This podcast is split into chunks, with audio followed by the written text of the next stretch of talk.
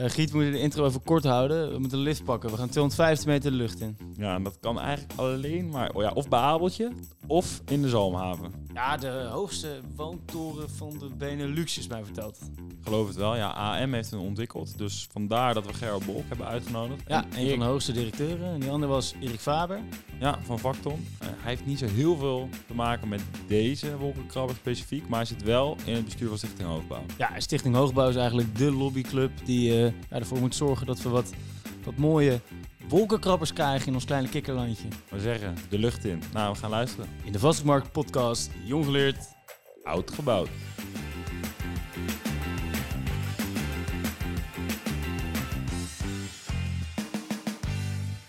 Nou, Gerhard, Erik, uh, dank jullie wel. Uh, welkom in de podcast. Of eigenlijk uh, ja, moeten jullie ons welkom heten, Gerhard. Ja, welkom hier in dit appartement op de, de Zalmhaventoren. Hier op ongeveer 155 meter hoogte. En in het kader van volgens mij het onderwerp waar we het over gaan hebben, is het ook wel toepasselijk, denk ik, de hoogbouw. Um, en het is een toren, ja, die is net opgeleverd. Ik denk dat hij wel bekend is. Als je Rotterdam nadert, dan kun je hem eigenlijk niet missen. Nee, dat is uh, inderdaad niet te missen. Je kan hem vanaf uh, halverwege tussen Amsterdam en Den Haag zie je hem eigenlijk al opdoen. Hè? Ja, het is eigenlijk een beetje de sport van wanneer zie ik hem als eerste. Ik heb hem laatst zag ik hem al vanaf Woerden. Dus dat gaat ook vanaf de A12. En als je de Zeelandbrug over gaat, zie je hem ook al. Dus het is echt, we hebben een beetje de skyline hier verbouwd, als het ware. Um, maar goed, het is natuurlijk ook ja, een heel spannend project geweest. Ja, en, en dat Gerard het mooi vindt, dat, dat begrijp ik wel. Het is jouw toren, je hebt er twintig jaar geleden al aan begonnen. Maar Erik, jij uh, ja, toch ook wel een hoogbouwspecialist. Wat vind je nou? Heeft hij een mooie, mooie toren gemaakt, die vriend van je? Ja, uh, Gerard heeft zeker een, een mooie toren gemaakt. De hoogste van, van de Benelux. En nou, wat ik met name mooi vind, ik was afgelopen weekend ook weer in het, in het Euromaspark. Ik weet eigenlijk niet eens hoe die officieel heet. Het park heet die. Maar als, het, hij heet gewoon het als park. je in het park loopt en je loopt door het park en je kijkt vanaf de parkiet, dat is een mooie, mooie ontbijttent links omhoog en dan waar je toch wel eigenlijk een beetje in, in Central Park. Ja, dat is wel echt mooi. Hè? En de Euromast die er staat, is eigenlijk een beetje een lullig naaltje geworden nu op deze manier, met deze knaller ernaast. Ja, maar vind ik ook juist wel, wel leuk dat je ook zeg maar, daarmee de gelaagdheid van de stad ziet. Uh, Euromast Park, uh, jaren 60 uh, volgens mij. En dan nu weer het volgende icoon in 2022. Volgens mij is het juist mooi als een stad ja, uiteindelijk ook weer die gelaagdheid kent. Ja, ik, we hebben je net geïntroduceerd. En Factom, misschien moeten we toch even Factom wat breder uitlichten. Want voor mij is het toch altijd moeilijk de vinger op te leggen wat jullie nou precies doen. Want jullie zijn consultant, maar ook gedelegeerd ontwikkelaar. Dat is heel lastig, vind ik ook heel lastig. Ja, jij noemde Erik net uh, consultant, maar dat vatte hij weer op als een soort van scheldwoord. Dus uurtje factuurtje. Ja. hij, is, hij is meer dan dat, dat doet hem geen recht. Ik denk dat uh, Facton op heel veel vlakken in onze, in onze vastgoedwereld meespeelt in het orkest.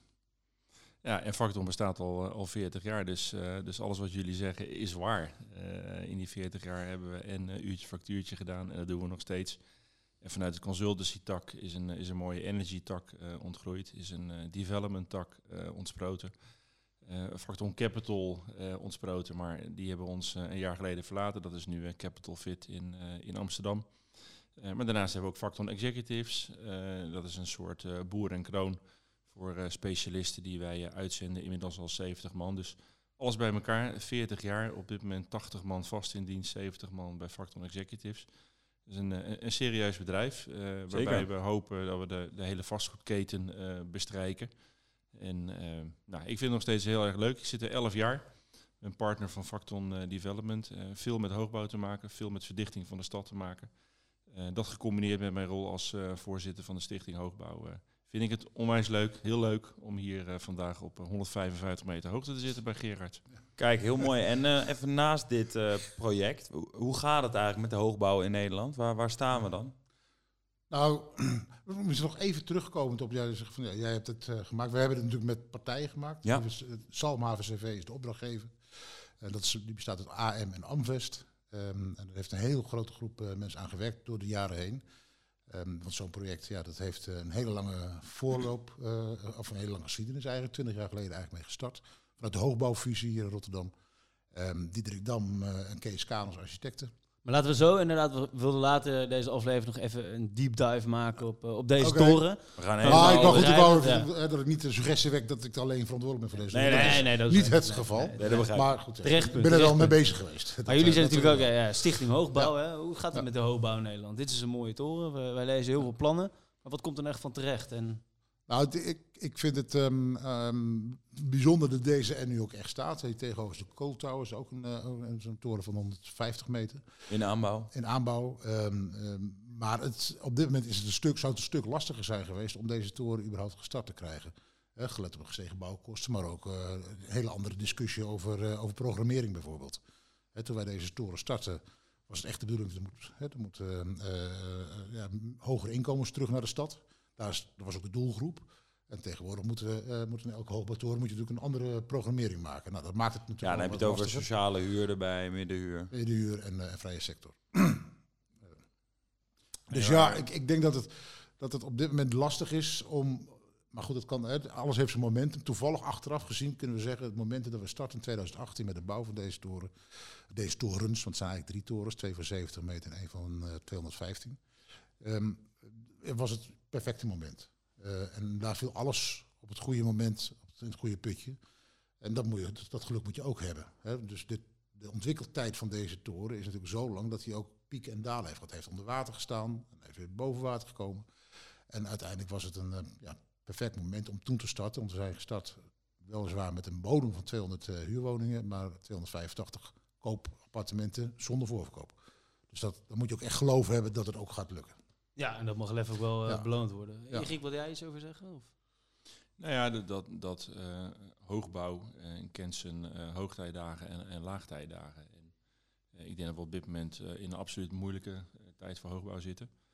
Eh, best wel bij een hoop mensen bekend. Nederland heeft op dit moment 200 torens boven de 70 meter staan eh, in, in de Nederland. En vooral in de, in de G5, de vijf grootste steden van Nederland.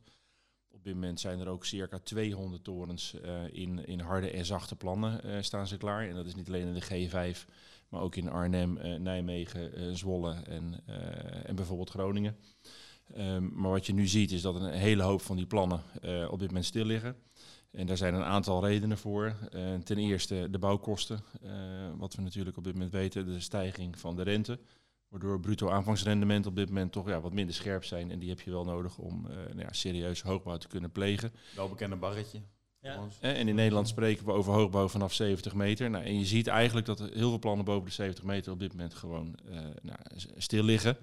Eh, en niet in de laatste plaats. En, ja, dat, en dat, dat is natuurlijk een spijtig ding. Dat je hoopt dat eh politieke instrumenten eh, eh, werken. Maar eh, Hugo de Jonge die heeft op dit moment een instrument waarbij die binnen de dure huur eh, wil verbinden aan een, eh, aan een puntenstelsel. Nou, daar zie je nu direct bijvoorbeeld met hoogbouw dat heel veel hoogbouw op dit moment stil ligt en heel veel beleggers gewoon wachten tot het moment dat duidelijk is wat Hugo de Jonge gaat beslissen. Of Ja. hij dat gaat invoeren of niet.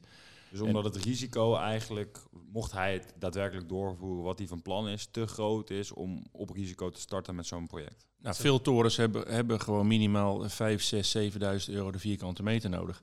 En als je met dat puntenstelsel gekoppeld aan een bar die op dit moment iets relaxter wordt, eh, als je dat koppelt, haal je dat soort vierkante meterprijzen in de huur niet meer. Nee. En dan kan je eigenlijk gewoon stoppen. Dat Gaat is hij ook gewoon slechte timing, toch? Ik Dan bedoel, gaat onder, eh, nou, dan gaat hij onder, onder, onder, onder kostprijs. En dat, ja, dat, dat, dat hou je niet heel lang vol, zeg maar. Ehm, ja, timing. Ja, het, het- ik vond het niet heel handige uitspraken, zou ik maar zeggen. Eh, ik zou zeggen, ga echt met het veld in overleg om te kijken, ja, wat, zijn, wat zijn de effecten daarvan? Want eh, je hebt no voor dit soort projecten heb je gewoon consistent beleid nodig. En als consistent beleid er niet is, ja, dan eh, snap ik heel goed dat partijen er zeggen, nou, we wachten nog even af met investeren in Nederland. Hè. Dan gaat het eigenlijk echt, waar gaat dat geld naartoe? Gaat het dan naar de buurlanden waar het consistenter is? Maar even advocaat van de duivel spelen. Het is natuurlijk wel zo, als er geen regulering komt, dan komen er ook geen betaalbare huurwoningen. Ik bedoel, in mijn eigen vak ben ik ook ontwikkelaar en belegger. Ja. Het is dat, dat het sociaal en middelduur moet. Of dat Ja, onze beleggers het willen. Maar anders, ja, dan, dan ga je gewoon naar de vrije sector alleen maar. Ja, maar de, vra- de vraag is, A, eh, is dat heel erg omdat je met vrije sector natuurlijk ook een doorstroming teweeg brengt. Hè? Dus, eh, dus, dus komen andere woningen vrij die mensen weer achterlaten. Aan de andere kant, nu krijg je überhaupt geen woningen erbij. Eh, en, en, en liggen grote binnenstedelijke projecten voorlopig eventjes, nou, in ieder geval op een heel zacht tempo. Ehm, en ja, dat is natuurlijk wel zonde, want we hebben ongelooflijke opgaven in Nederland, ook om die binnensteden, eh, of binnenstedelijke projecten. En die zijn vaak gewoon heel complex en met multifunctionele eh, ehm, eh, programmeringen erin. Ja, daar heb je vrije sector nodig en heb je, zo had je, zoals je ook betaalbare huur nodig hebt. Maar die moet het wel in combinatie met elkaar zien. Ja. En, ehm, en, en dat kan die markt heel goed oplossen. Maar, maar, maar we kunnen niet ontkennen dat hoogbouw heeft gewoon eh, meer last van... eh, nou ja, welk besluit valt er eh, vanuit het ministerie met, met Hugo de Jonge... Dan, eh, dan, dan lage gebouwen. Ik bedoel, dat, dat is gewoon een De feit. risico's zijn gewoon veel groter. Ja. Ja. En eigenlijk inderdaad omdat zo'n project meteen ook veel groter is, dus ben je meteen op voor veel meer geld exposed. Ja, zeker. En laten we zeggen, dat begin deze eeuw ehm, eh, had je hoogbouwprojecten en eh, ging die uit van 70% koop. En had je een eh, dekking met 30% eh, huur. Eh, en op dit moment zie je gewoon dat eh, hoogbouwtorens eigenlijk precies andersom en misschien wel voor 100% huur zijn. Dus er is ook een, een, een kanteling geweest in het product. Het was koop en het is eigenlijk 100% huur geworden. Ja. En in die 100% huur zit gewoon veel middendure huur. dat kan je niet ontkennen. Soms ook nog steeds gekoppeld met sociale huur. Maar, eh, en dat is een beetje de perfect storm waar we op dit moment in zitten. En de rente is hoog. En de bouwkosten vallen tegen. En dit soort maatregelen die boven de markt hangen, zorgen in ieder geval nu voor een investeringsstop. Ik heb wel begrepen dat in oktober eh, een BZK een besluit gaat nemen, versneld. Niet in 2024, maar versneld. Om toch te zorgen dat inderdaad wat Gerhard ook zegt, van, gaat dat geld nu straks naar het buitenland of willen we het toch in Nederland houden? Ja, dat is denk ik belangrijk dat we in ieder geval weten, snel weten wat het antwoord is. Ja, dus we inderdaad, wat je zegt, er zijn eigenlijk drie problemen. Gewoon aan de voorkant te hoge bouwkosten, aan de achterkant te lage opbrengsten. Ehm, en een soort van deken van risicomanagement van de politiek eroverheen. Is dan zo'n conjunctuur of een termijn van vier jaar van een kabinet voor hoogbouw eigenlijk te kort om erop te bouwen? Ik bedoel, je hebt het net over twintig jaar voor, voor een project. Nou ja, misschien kan ik het een beetje specificeren. Eh, kijk, we- twintig jaar geleden waren de eerste initiatieven, et cetera. Dan had die hoogbouwfusie. We hebben, er stond een oud kantoorpand, dat hebben we gekocht op een gegeven moment. Hebben we een plan gemaakt. Vervolgens heb je de inspraakprocedure natuurlijk ook hier. Dus je kunt je voorstellen, als je binnenstedelijk woont, er wonen mensen. eh, Er werken mensen, dus hebben, mensen hebben belangen. Dus, die Ja. gaan, eh, dus dan gaat op een gegeven moment gaat daar eh, de raad, eh, tot en met de Raad van State bestemmingsplan. Op een gegeven moment heb je de situatie dat eind 2013, na die crisis, eh, eh, moest er weer een heel nieuw bestemmingsplan gemaakt worden. Het grappige is dat, dat je soms heb, moet je ook geluk hebben. Hè? Want ehm, eh, hadden wij in 2015 de definitieve bouwvergunning gekregen, ja, is de vraag of het dan toen wel was gelukt. Want dan waren de opbrengsten weer een stuk lager. Dus ik heb de, de advocaat van de tegenpartij wel eens bedankt. eh, van, nou, ik ben blij dat je zo hebt volgehouden. Waardoor we precies op het juiste moment de bouwvergunning hadden. Ja. Waardoor het gelukt is. Hè? Soms moet je dat ook mee hebben. Achteraf kun je het Dat constateren. is lekker. Had hij niet verwacht. Ja, hey, maar Erik, jij geeft net ook aan eh, die, die grens van 70 meter. Hè? Daarboven noemen we het hoogbouw. Alleen, ja, Nou, Amsterdam noemen ze 70 meter ook hoogbouw. toch? ja, nee, maar ik zit meer met die, die 70 meter. Eh, ja, dat is altijd de kleine Amsterdam-Rotterdam. eh fout Nou, dat heeft deze ook te is maken- een terugkerend fenomeen, maar dat mag. Ja, nee, maar met de sprinklersystemen, toch? Ja, dat zie je ze, de sprinklersystemen. Dat, is, dat maakt het significant duurder natuurlijk. Hè. Dus, en, en dus dan kun je maar beter als je dan toch over de 70 meter gaat. Flink stuk boven de 70 meter gaan. Waardoor je het weer over meer meters kunt versmetsen. En even de vraag, Gerard, moeten we überhaupt nu wel in deze timing boven de 70 meter gaan? En dit doet pijn in mijn hart om dit te vragen, want ik hou van die mooie tools en het zijn verrijkingen voor steden. Alleen in deze tijden, als het gewoon niet te betalen is om boven de 70 te gaan, moet je dan ook niet even de tering Ja. naar de nering zetten en zeggen, oké, dan tot 70, dan goedkoop. En dat we zeggen, dan gaan we daarop focussen. Liever niet, maar nou ja, moet nee, even, kijk, toch? dat gebeurt vanzelf wel. Hè. Kijk, als, als, als plannen onhaalbaar blijken, dan wordt er herontwikkeld op enig moment. Dan zeggen, nou, wat, wat is dan wel haalbaar? Is 70 meter. Nou, alleen de vraag is, eh, eh, er komt altijd weer een tijd dat het weer wel past. Dus eh, uiteindelijk keert de wal ook het schip weer. En, en dan krijg je weer een situatie. Dat geldt ook op een andere manier. Je hebt een zware inflatie, maar krijgen we een loonstijging. Weet ik. Er gebeuren van allerlei zaken, waardoor op een gegeven moment eh, op een gegeven moment gaat de Oekraïne-oorlog, ja, wat, wat gaat daarmee gebeuren? Stopt dat op een gegeven moment? Je ziet vandaag de dag, toevallig las ik vanochtend in de krant, de gasprijzen dalen weer, omdat we allemaal onze voorraden vol hebben zitten. Ja, dat kan ook weer een, iets anders teweeg brengen in de kostprijs. Dus ja, ik, ik, je, moet, je moet wel eh, durven blijven dromen om die steden in Nederland, en zeker hier het Rotterdamse, om daar de ambitie vast te houden. En dan wacht je maar een paar jaar eh, en dan komt het een paar jaar later. Ja, maar ik vind hoogbouw, ook als stichting hoogbouw, eh, is, is geen doel op zich. Nee. Ik bedoel, als je in, eh, in, Koop, in steden als Kopenhagen eh, kijkt langs de rivier, daar heb je ongelooflijk veel gebouwen tot rond 60 meter. En dat zijn ook eh, bij elkaar een ensemble. En uiteindelijk is stedenbouw belangrijker dan één hoge toren. Want dat hebben we ook gezien als je de overkant van de brug vanuit eh, Kopenhagen gaat in, in Malmö. met de Turning Torso, die staat er maar alleen. En dat, dat vind ik echt een voorbeeld van zo, zo moet het niet. Dus eh, ik, vind, ik vind het ook mooi als er dus, hè, net als in Little C, als er gewoon heel veel, eh, gewoon wat lagere torens bij elkaar, uiteindelijk voor een enorme FSI zorgen, een bepaalde dichtheid. En de dichtheid is eh, die we nodig hebben omdat de trek naar de stad verder, verder doorzet. Ja. En de, de trek naar de stad moet je faciliteren. en dat woord viel net ook al. Het is ook ongelooflijk belangrijk dat daar betaalbare woningbouw tussen zit. Als je op dit moment leest dat op Funda, Funda 1% van de woningen bereikbaar is eh, voor starters.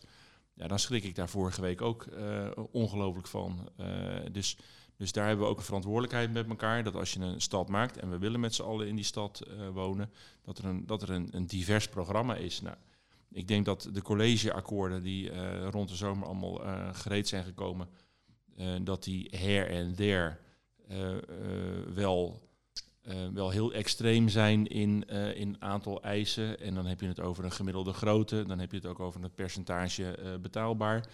Dan heb je het ook over de koppeling. tenders, allemaal 70 meter en groter, maar wel middenduur. Nee, maar ook de koppeling met duurzaamheid en klimaat. En dat zei ik net ook al. Het is een perfect storm op meerdere vlakken. En ik durf de stelling ook wel aan dat, dat we in, in Nederland eigenlijk niet meer kunnen versnellen. Met alle maatregelen die we nu willen. En we hebben het al twintig jaar over. Er zijn te veel reguleringsmaatregelen. Maar het lijkt alsof er steeds meer bij komen. Ja, daar gaat En- er niks af. En, en dat gaat niet goed. En, eh, en daar heeft eh, hoogbouw is daar helemaal gevoelig voor, omdat je, omdat je daar gewoon met een aantal excentrieke zaken te maken hebt. Ehm, maar de verdichting van de stad, die gaat door. Moet dat per se met hoogbouw? Wat mij betreft niet. Alleen ik vind een, een accent, zoals met de, de, de, de Zalmtoren, accenten die je nu in, eh, in Amsterdam hebt en ook in Den Haag. Ik vind dat voor de skyline van de stad, voor het zetten van de stad, Ja. vind ik het mooi. Maar gewoon een mooi ensemble, goede stedenbouw met groen, water eh, en, en een verdichting met torens van 60, 70 meter. Prima. Maar en hoe zie je dat dan? Want eh, Nederland heeft jarenlang wel ingezet op eh soort van ja, de middelgrote steden. Hè, de, Of de- van de Rijn, of Nieuwekerk, Nieuwegein, dat soort wel, steden. ja. En nu zie je toch wel inderdaad meer dat de stad eigenlijk echt de dichte stad zou moeten zijn. Wordt dat dan onvoldoende gefaciliteerd door gemeente het Rijk?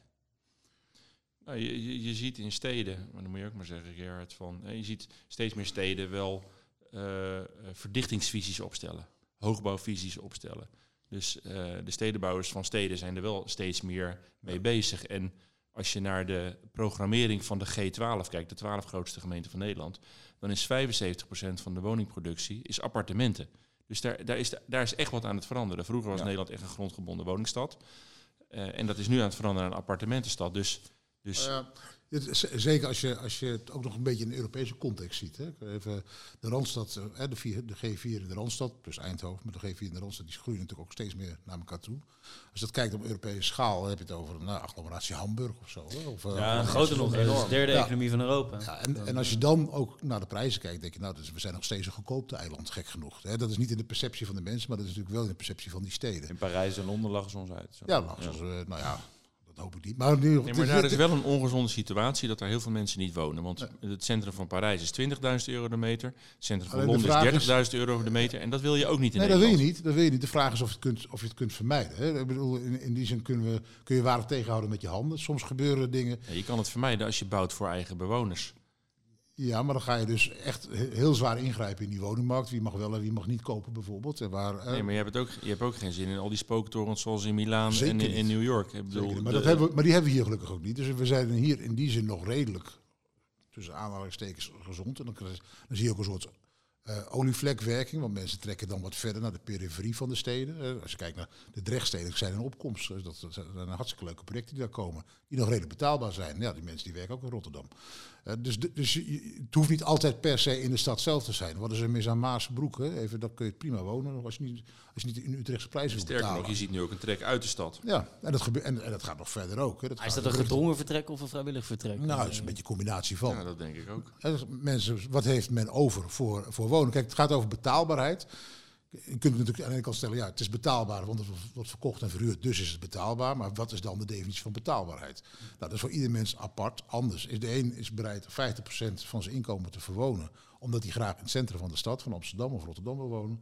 En je, ja, maar ik ben gek, dat ga ik niet doen, want ik heb een leven en ik wil ook nog eens een beetje gaan, nou, andere, een andere zaak kunnen uitgeven. Ja, en ik heb ook het idee dat, dat soms in gemeentes een soort van politieke eh, bekrompenheid ervoor zorgt dat er niet meer Ja. grootschalig naar een wijk bijvoorbeeld durft te worden gekeken. Zo'n 40-40-20 regel, dat je die niet op wijkniveau durft toe te passen op grote schaal. Dan krijg je allemaal van die, van die 40-40-20 torentjes naast elkaar. Ja, dat is ook best wel de, saai. me- de meest leuke wijken in Nederland, dat, nou, als ik dan, ik, ken Amsterdam dan goed, dat zijn de Pijp, dat is, eh, dat is de Jordaan, maar dat is ook... eh, Dat is ook verwoording. eh, ehm, Nee, maar ik vind, ik vind wel dat dat Amsterdam... met- met- Amsterdam is ooit met 40, 40, 20 begonnen. En in het begin dacht ik echt van, wow, wat gaan die doen?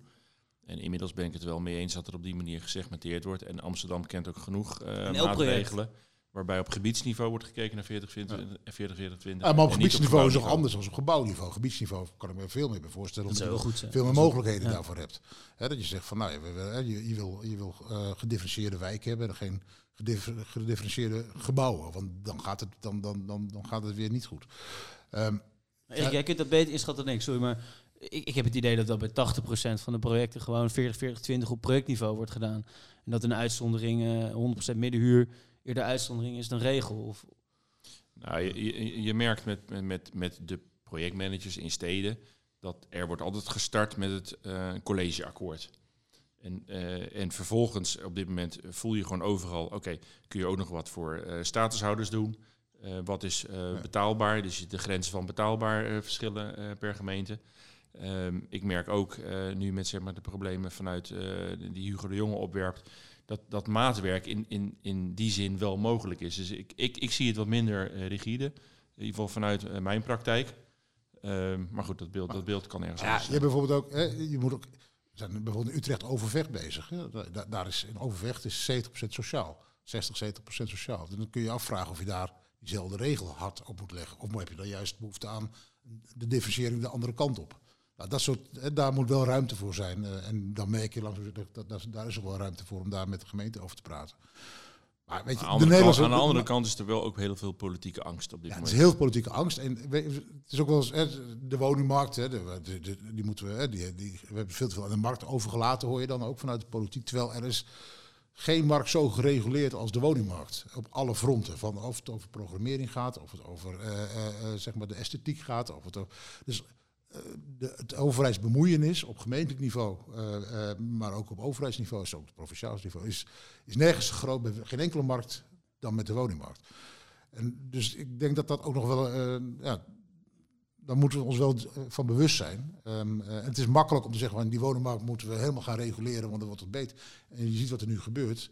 Die woningmarkt verstart en het, het investeringsgeld, ja, dat stopt even en eh, verdwijnt misschien zelfs. En dat is, ja, dat is eigenlijk, ja, dan, dan ben je nog veel verder van huis. Dus dat is eh, wat we ja, moeten blijven vertellen.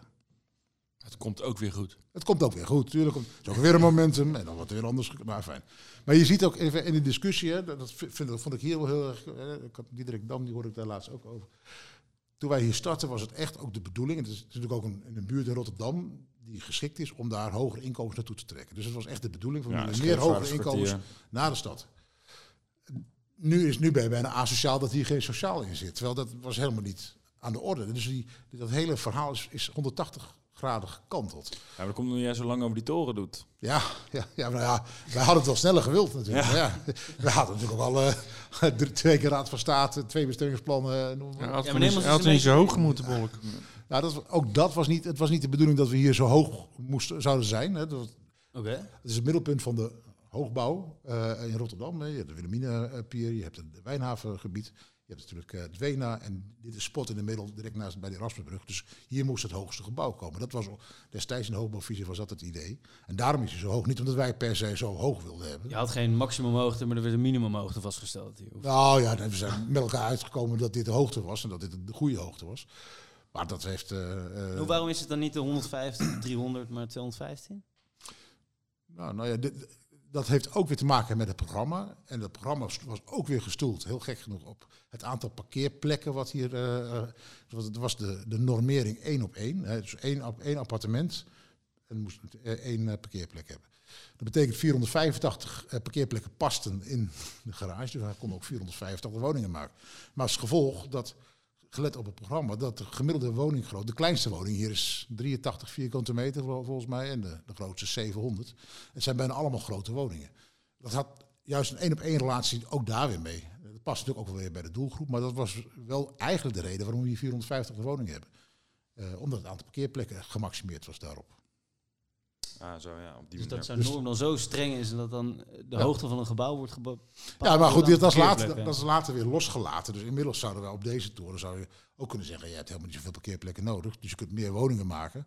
En met een parkeernorm van 0,5 bij wijze van spreken. Want de helft heeft geen auto meer. Eh, zal allemaal niet meer gebruiken. Maar deze doelgroep wil graag twee hebben. Dat heb je dan ook weer. Maar je wil die auto dan zeker natuurlijk ook weer uit de stad krijgen. En Eh, Gert, je zei dat je 20 jaar geleden bent begonnen. Nou, wij zijn niet alleen Ja, ik, ja, maar we ja. zijn, de eerste ideeën zijn 20 Wanneer jaar jij zegt geleden. bedoel ik eh, de club, hè? Ja. De club. Maar we hebben hele ervaren luisteraars. Dus je snapt dat bij een project als deze, dat er nog allemaal andere investeerders, eh, ontwikkelaars, eh, architecten bij betrokken zijn. In- een- toen hebben we denk ik, vier, we zijn begonnen met Kombrink. Dat was de wethouder destijds. Dan hebben we Passers gehad. Eh, toen hebben we eh, Hamid gehad. eh, Simons. Bas Curve. We hebben vijf, zes Wethouders. wethouders versleten over dit. Die zich allemaal, moet ik wel zeggen, hebben ingezet om het voor elkaar te krijgen. Dat was wel een constante lijn. Als je het hebt over beleid, ook voor, het, voor ontwikkelaars, heb je ook gemeentebestuurders nodig die zich ervoor inzetten en ook daarin vasthoudend in zijn. Ja, want jij haalde net aan, eh, Erik, dat het misschien soms politieke angst is. En, en ja, dat, dat denk ik ook wel eens te voelen. Want, want niemand wil die wethouder zijn, onder wie die hoge Ja. toren met alleen maar vrije sector is gebouwd. Waar, waar die later Nou ja. kiel gehaald wordt. Dat is niet helemaal waar, want de wethouders die Hier hier aan gewerkt ja. zijn, die waren daar verschrikkelijk trots op. En die hebben er ook alles aan gedaan. Dat is wel een mooie anekdote. Op een gegeven moment was een heel spannende stemming in de gemeenteraad bij Hamid eh, Karakus nog. En, die, eh, en toen is daar, eh, er was er één stem tekort. eh, en dat was een, was een gemeenteraadslid van de Partij van de Arbeid die ziek was. En toen heeft Hamid hem laten ophalen met zijn dienstauto om, in zijn pyjamaatje om toch te kunnen stemmen. Waardoor hij, waardoor hij eh, er door de raad heen kwam. Er is wel wat gedoe over geweest, want daar was de dienstauto volgens mij niet voor bedoeld. Maar dat was wel... Maar Het je- je- zijn mooie verhalen, dat heeft zo'n project natuurlijk ook. Dat het, precies, en vro- vroeger werd, eh, was het nog spannend in de raad. Ehm, maar ook een beetje vanuit Not in My Backyard merk je gewoon dat het niet alleen maar de raad is, maar de, de, de introductie van de, van de participatiemaatschappij, hè, waarbij iedereen gewoon mag, mag, mag meepraten. En dat is denk ik een, een groot goed. Eh, merk je gewoon wel dat eh, met het en het steeds mondiger worden van, van de burger. eh, en dat een aantal mensen denken dat er een soort van verdienmodel zit eh, achter eh, het, eh, het bezwaar maken. eh, merk je gewoon dat er op dit moment liggen bij de Raad van State 1500 zaken. Ja, eh, op binnenstedelijke eh, acti- activiteiten. En je merkt dus ook dat de raad het niet meer aan kan. Hè. Je, je hoopt eigenlijk dat, dat, dat het college van, van, van burgemeester en wethouders en raad er samen nog eh, met elkaar uitkomen. Maar er gaat zoveel op dit moment door naar de Raad van State en zoveel ook op verdichtingsvraagstukken. dat daardoor dus ook gewoon een stuk tempo eh, er verliest. Dus ja, het is leuk om dit soort hoge torens te maken. Maar je merkt ook dat het gewoon steeds meer weerstand eh, creëert. Maar, Maar- daarbij moet je ook zien, eh, ik maak hem nog even af. Eh, bijvoorbeeld op Katendrecht, Katendrecht, eh daar was een, gewoon eh, in Rotterdam ligt dat. Heb Ja, je, hierachter heb ik het zien. De precies, door Bram Peper neergelegd. En daarachter ligt de hoerenloper. Hè. Precies, Ja. bij de cruise terminal linksaf. ja. Maar dan merk je dus ook gewoon dat heel veel mensen die er net wonen, dat dat ook gewoon de grootste bezwaarmakers zijn. Dus, dus die wonen er net zelf en vervolgens gaan ze bezwaar maken tegen de toren die er vervolgens bij komt. Kijk, en, en dat is natuurlijk een ontwikkeling. Ja, ik weet niet hoe je hem kan tegenhouden. En ik, ik denk dat we in Nederland best wel een, eh, een goede participatieprocedure met elkaar hebben opgezet. Ja. Maar laten we, laten we er wel voor waken dat, dat participatie op de juiste manier eh, gebruikt wordt. Om Ja, steden beter ja. te maken en niet, niet als verdienmodel. En dat ondernemen inderdaad uit het, eh, uit het NIMBY-argument. dat hebben, ik werk bij Edge en daar hebben ze ook eh, met dat soort lui te maken. De Raad van State zwaar overbelast. En eh, we werden op een gegeven moment uitgenodigd bij iemand eh, bij zijn appartement die bezwaar had gemaakt op de toren. Maar die zei, ja, maar als je mijn appartement voor een ton meer aankoopt, dan heb ik geen bezwaar mee hoor. Nou ja, dat, Fijn, ja, ja. die is, en dit verdienmodel hoor je in de Wijnhaven, hoor je op Katendrecht, Mullepier. hoor je in, Ja, in allerlei... Ah, Mullepier, Lloydpier. Nou ja, je ziet het in heel Nederland, maar nogmaals, je, je kan het niet voorkomen. Het is ook iets wat uit Amerika mensen- komt overwaaien. We gaan elkaar allemaal een beetje. Sjoe, Ja. Ehm, Maar misschien moet dat is wel aardig om hier te, want dat hadden we hier natuurlijk ook best last van. En, ehm, maar we hebben de, het heeft ook wel plan beter gemaakt. Die participatieavonden die we gehad hebben, ook van, ja, dat had ook te maken met bezonning en een beetje angst ook van wat gebeurt er dan, moet je uitleggen. Daardoor zijn nu twee torens in plaats van een hele wand. Hè. Eerst was er een wandvorming en nu zijn er twee eh, iets hoger, maar met meer eh, ruimte ertussen gekomen. En het grappige is, uiteindelijk hebben wij dus de procedures gewonnen, we hadden de definitieve bouwvergunning. En eh, onze grootste bezwaarmakers zijn uiteindelijk ook eh, behoorlijke fans geworden van het, eh, van het eh, eh, project. Want Had je ze zo goed toch. betaald? Nee, nee, we hebben ze niet Dat doen we nee, totaal niet. Dat, dat, dat, dat, nou, dat vind ik ook eigenlijk vind ik dat we dat ook nooit moeten doen. Hè. Dus een beetje dat je betaal je voor, eh, voor, voor, voor mensen die gegijzeld worden in dagenstand of zo. Weet je wel. Dat gaan we natuurlijk niet doen.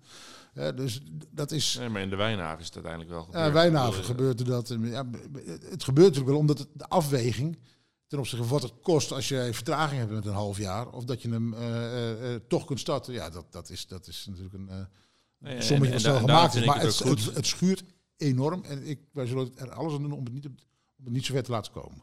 Maar je merkt dus ook dat hè, met, met hoogbouwvisies, verdichtingsvisies, dat er gewoon eh, nu steeds meer geredeneerd wordt vanuit sunspots. eh waar is schaduw? Welk terras mag nog zon houden? En dus ook daar vind ik dat er op zijn Nederlands dat we er wel gewoon weer intelligent op ingaan. Hoe kunnen we er uiteindelijk voor zorgen dat niemand zeg maar, in zijn woongeluk erop achteruit gaat? Maar je kan nooit iedereen tevreden stellen. En als je met z'n allen eh, boven op elkaar wil wonen, als je met elkaar gewoon in steden boven 1 miljoen. En in Nederland gaat dat natuurlijk gebeuren, want eh, mind you, ook zeg maar de, de, de arbeidsmigranten die naar Nederland komen, die komen allemaal naar de steden. Eh, als je gewoon hoort hoeveel Engels er wordt gepraat, op dit moment ook al in Rotterdam, vroeger was het alleen in Amsterdam, Den Haag, Rotterdam, de arbeidsmigranten die overspoelen ook de Nederlandse steden. En ja, zolang dat doorgaat op basis van dat wij gewoon uiteindelijk nog steeds een fijn klimaat hebben, goede gezondheidszorg, goede opleiding, eh, uiteindelijk nog een relatief rustige politieke structuur, komen gewoon steeds meer eh, buitenlanders naar Nederland. En dat zal ervoor zorgen dat hè, als we daar niet op een, een of andere manier een structuur in verzinnen, als we die, die groei gewoon laten doorgaan, eh, voorspel ik dat de Nederlandse steden gewoon nog zo hard doorgaan verdichten de komende 20, 30 jaar. En dan ontkom je uiteindelijk ook niet aan hoogbouw. Ja. En ik denk dat we het in Nederland op dit moment best goed eh, faciliteren. En de Stichting Hoogbouw heeft 140 donateurs. Daar zitten gemeenten in, daar zitten stedenbouwers in, architecten, ontwikkelaars, bouwers, beleggers.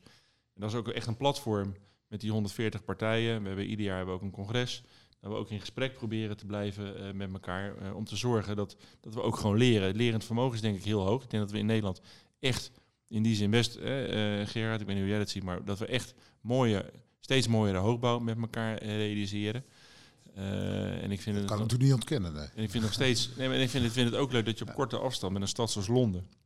Je hoeft helemaal niet meer naar New York om gewoon een gave uh, hoogbouwstad te zien. Ik vind Londen ontzettend inspirerend, uh, ook voor Nederland, om te kijken hoe kan zich dat verder gewoon, uh, gewoon, gewoon doorontwikkelen. Hey, en Erik, even nog over die Stichting Hoogbouw. Want je gaf net aan. Um, ik zit trouwens ook in de ja, bestuur. ja, samen dus, ja. ja. Um, het doel is niet op zich om zoveel mogelijk of zo hoog mogelijk te bouwen. Nee. Uh, en je zei net, ja, als het allemaal van 60 zijn, is ook prima. Wat nee, is dan wel het doel? Wat, het, het doel, is, het doel is, een, is, is, een, is, een, is een heel goed leefklimaat, werkklimaat, woonklimaat te creëren in de steden. Dus dat betekent ook alle bebouwing die je maakt binnenstedelijk, of het nou een vervanging is van iets wat er al stond, een kantoor wat weggaat of een bedrijfsterrein wat omgekat wordt, of zoals in de Binkhorst. Um, uh, het gaat om de context waarin het staat en wat is gebeurt er op maaiveldniveau. Uh, is, is, is daar veel groen? Is daar, kun je daar, uh, zijn de auto's secundair en niet primair? Zijn er voldoende voorzieningen? En hoe, dichter een gebied, hoe meer kans er is dat voorzieningen dat, daar ook uh, kunnen overleven. Dus uh, dan heb ik het niet alleen over terrasjes, maar dan heb ik het ook over bedrijven die, die afhankelijk zijn van de mensen die er wonen en werken. En ook die mix van wonen en werken om een levendige stad te maken, dat is eigenlijk waar wij nou, altijd naar op zoek zijn en waar wij steeds, nou, steeds betere voorbeelden in Nederland ook van krijgen.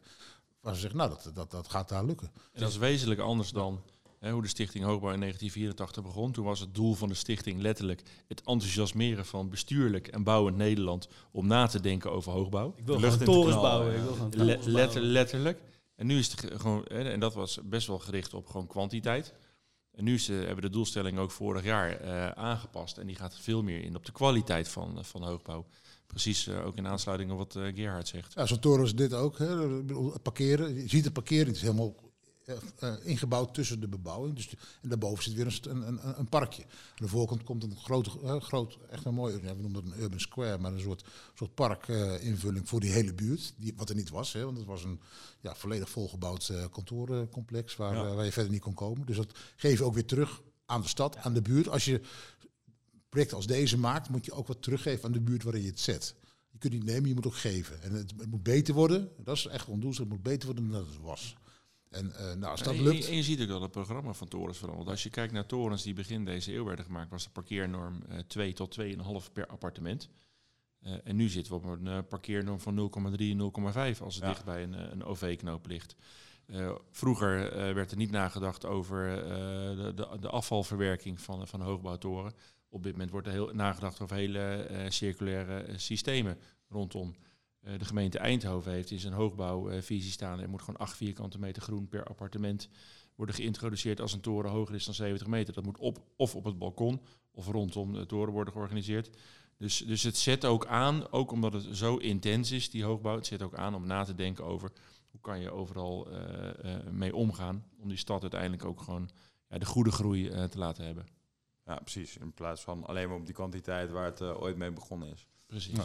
En Gerard, eh, deze toren is ook eh, prefab gemaakt, hè? Ja, Ehm, voordat eh, mensen denken dat hij eh, daadwerkelijk uit de vrachtwagen ko- is komen rollen. Hoe is dat precies gegaan? nou, sterker het is de... eh, nou, alles is groot aan dit project. Dus dit is ook de hoogste prefab woontoren van de wereld zelfs. Ja, Het is nog niet eerder vertoond. We hebben hier gewerkt met een hijsloods. Ehm, en we hebben alle elementen zijn prefab eh, just in time naar, eh, eh, naar de bouwplaats gebracht. Dus dat was een enorme logistieke operatie heel strak georganiseerd is en die ook heel goed gewerkt heeft. Er is heel erg van tevoren nagedacht van hoe gaan we dat nu organiseren. Dus de, de mensen die kwamen, of de, de, de vrachtwagens die kwamen, die hadden een soort tijdslot. ja. En dan moesten ze binnen de tijdslot moesten ze komen brengen. En als ze daar te laat waren, nou, dan konden ze weer Kregen ze gaan straf. er is een boete eroverheen, dat deze één keer.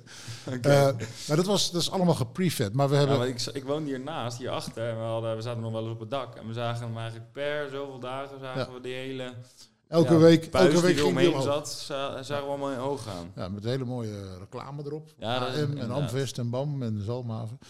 Eh, nou ja, dat hebben we ook... eh, Dit, dit, Alleen- wordt, dit wordt eruit geknipt hoor, Bolk. Ja. Nee, hoe zou dat? Ja, ja, Vervangen de we namen door de concurrenten. En Dus het, het grappige was, we dachten dat is heel leuk, want dan zien, dan zien de ambtenaren van de gemeente Rotterdam zien hem groeien. Alleen het was Hier corona. Aan de overkant zitten in de en er, Rotterdam. wa- er was geen ambtenaar in, in, in de Rotterdam. Nee, maar ik ben tijdens de bouw ben ik ook eh, een paar keer naar boven geweest met eh, Gerard. En ik, ik- het is wel fascinerend dat je inderdaad, hè, de, eh, je hebt eh, de hoge heren van, eh, van Versteda ooit gemaakt. Ze zijn 90 of 100 meter hoog. Ja, die zijn eh, ja, 100 meter. Nee, iets, eh, negen, ja, iets 110 volgens mij. Dat die hebben ze ook gemaakt. Die de? Erasmus-toren staat er ook naast. En Ja. dat je op een gegeven moment, als je in die hijsloos een paar keer mee omhoog bent geweest, ja, hoe hoog het is. Dat je gewoon, als je op die twee torens neerkijkt, hè, de penthouse van, die, eh, van de Hoge Erasmus heeft ook een, een zwembad. Ja. Nou, die, die man heeft ooit gedacht, daar lig ik alleen. Ik heb nooit last van nee. inkijk. Ja, ik heb nu inkijk. En de, er kijkt nu ongeveer 150 Maar- meter toren maar- naar binnen. Maar zeg maar, de systematiek hè, van, van, van die hijsloos, dat was ook fascinerend. Want in die, in die, was ook een soort,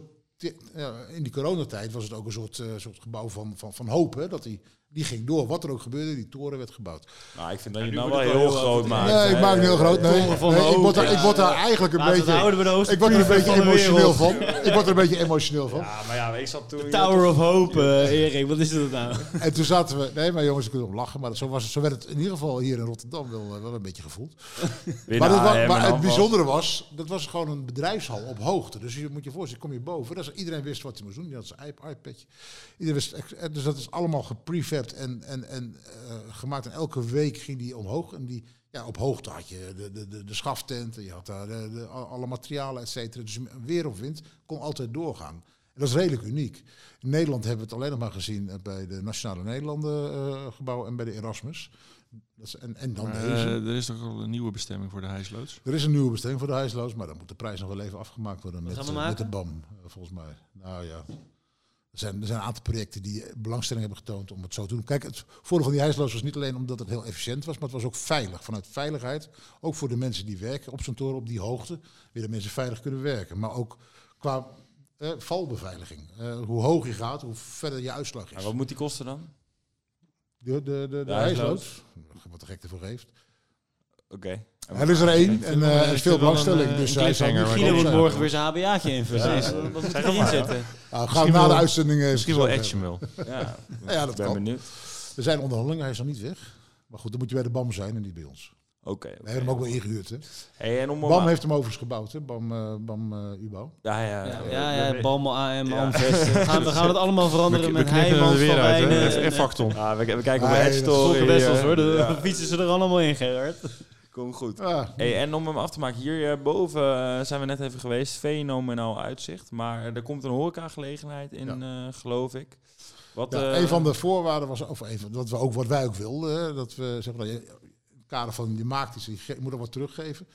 Ik vond het belangrijk dat elke Rotterdammer ook naar boven kan en van het uitzicht kan genieten. Dus Ja. het idee is dat daar en overdag... ver daarbuiten natuurlijk.